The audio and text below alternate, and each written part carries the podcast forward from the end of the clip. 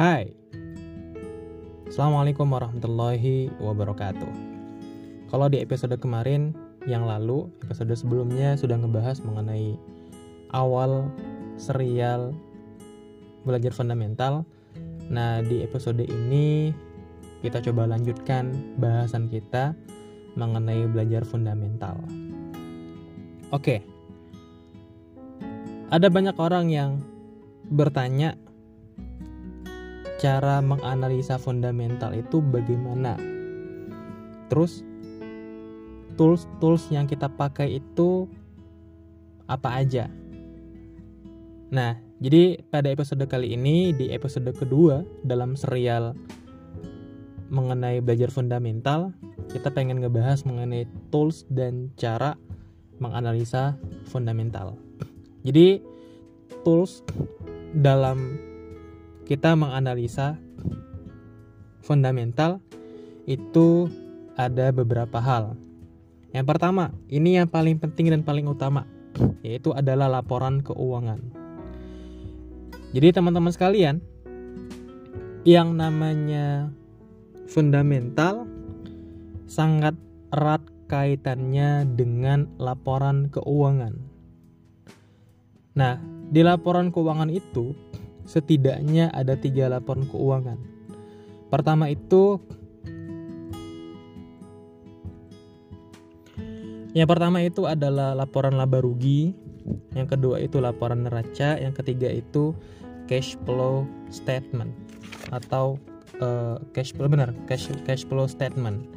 Jadi teman-teman sekalian, kalau kita pengen menganalisa fundamental saham, maka ini mengenai laporan keuangan akan sangat bersinggungan gitu.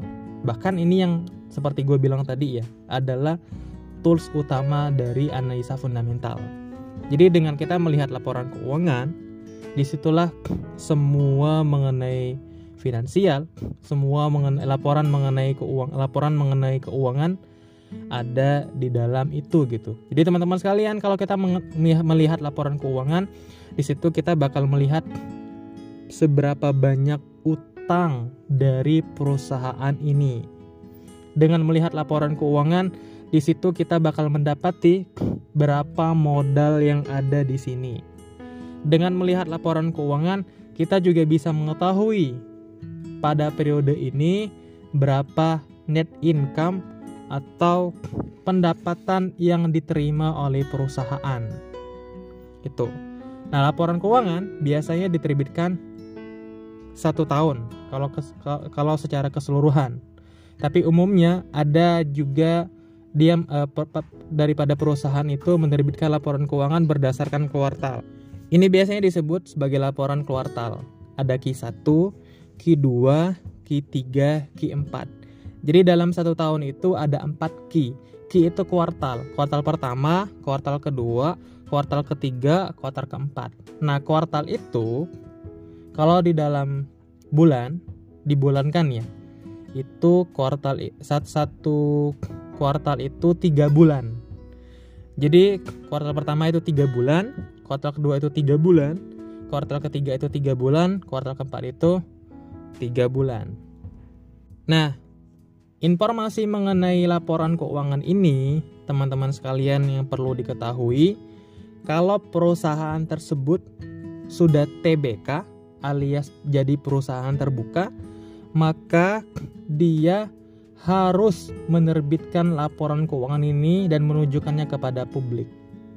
Itu. Jadi teman-teman sekalian kalau pengen mencari laporan keuangan, salah satu caranya itu adalah bisa langsung lihat ke website dari perusahaan tersebut. Misalnya pengen lihat laporan Antam, maka berkunjunglah ke Antam. Atau misalnya pengen lihat laporan keuangannya Telkom, maka berkunjunglah ke website daripada perusahaan Telkom. Dan kalau tidak salah juga bisa lihat di laporan ataupun tools ataupun fitur-fitur yang disediakan oleh Bursa Efek Indonesia. Nanti bisa langsung uh, kunjungi website tersebut. Untuk tools yang kedua adalah berita dan rilis perusahaan. Biasanya kalau ada suatu kerjasama atau misalnya ada rilis produk baru atau bahkan misalnya ada hal-hal yang itu sifatnya berkaitan dengan perusahaan, biasanya itu akan dikabarkan atau dirilis oleh perusahaan di dalam websitenya. Jadi ini sebagai salah satu langkah perusahaan membuka informasi, memberitahukan kepada halayak umum, kepada publik, ataupun kepada investor bahwa ada kejadian begini loh di perusahaan gue gitu. Ada ada kejadian begini loh untuk mengenai updatean terbarunya. Itu. Nah, kalau untuk berita, berita ini biasanya juga nanti bakal diliris oleh koran-koran nasional, khususnya mungkin koran-koran yang investasi ya, koran-koran bisnis kayak misalnya Kontan atau misalnya CNBC dan sebagainya macamnya gitu. Kalau untuk luar negeri itu ada ada Bloomberg. Nah, teman-teman sekalian, biasanya ketika ada kerjasama atau misalnya ketika ada uh, prospek bisnis gitu, mengembangkan bisnisnya ke depan, atau bahkan misalnya seperti gue bilang tadi ada rilis produk baru. Nah biasanya pihak media ini juga nanti mengabarkan. Termasuk ketika ada sentimen-sentimen negatif mengenai suatu perusahaan itu juga biasanya bakal dikabarkan. Misalnya perusahaan melanggar aturan. Atau misalnya perusahaan terkena diskualifikasi. Atau bahkan ya perusahaan eh, dinobatkan misalnya apa namanya karena ada kasus apa gitu. Dia dihukum disuruh bayar. Atau ya informasi-informasi yang penting lainnya yang berkaitan dengan perusahaan tersebut. Itu. Jadi kita sebagai seorang investor maka salah satu hal yang wajib adalah terus baca berita itu update berita terkini. Khususnya mungkin kepada emiten atau perusahaan yang pada saat ini kita pegang sahamnya, kita beli sahamnya. Jadi saat kita tahu berita mengenai perusahaan yang kita pegang sahamnya, ya kita dapat mengikuti perkembangan daripada growth perusahaan yang kita punya. Nah, yang selanjutnya itu adalah uh, riset dari analis sekuritas. Jadi teman-teman sekalian, biasanya dari pihak sekuritas itu juga kadangkala memberikan hasil riset mereka terhadap suatu perusahaan. Misalnya, pihak Indo Premier Sekuritas menganalisa juga mungkin melakukan riset terhadap kinerja Telkom selama masa pandemi gitu.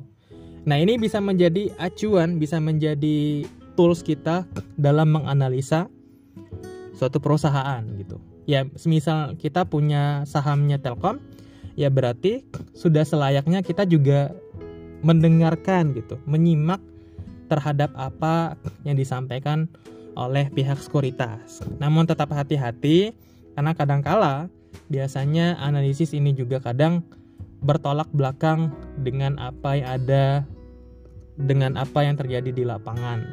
Ya bisa jadi karena memang ini salah satu strategi orang untuk pom-pom atau mungkin ada hal-hal lain yang itu tidak kita inginkan gitu ya. Nah, teman-teman sekalian, sebenarnya tools atau cara menganalisa fundamental ini itu kalau lu searching di Google itu sudah ada semua. Jadi tinggal lu ketik keywordnya aja biasanya dari pencarian Google itu dengan sistemnya itu nanti bakal memunculkan hasil dari pencarian lo gitu. Kayak misalnya kita nyari laporan keuangan atau misalnya nyari profil dari perusahaan tersebut ataupun mungkin ada yang lainnya gitu.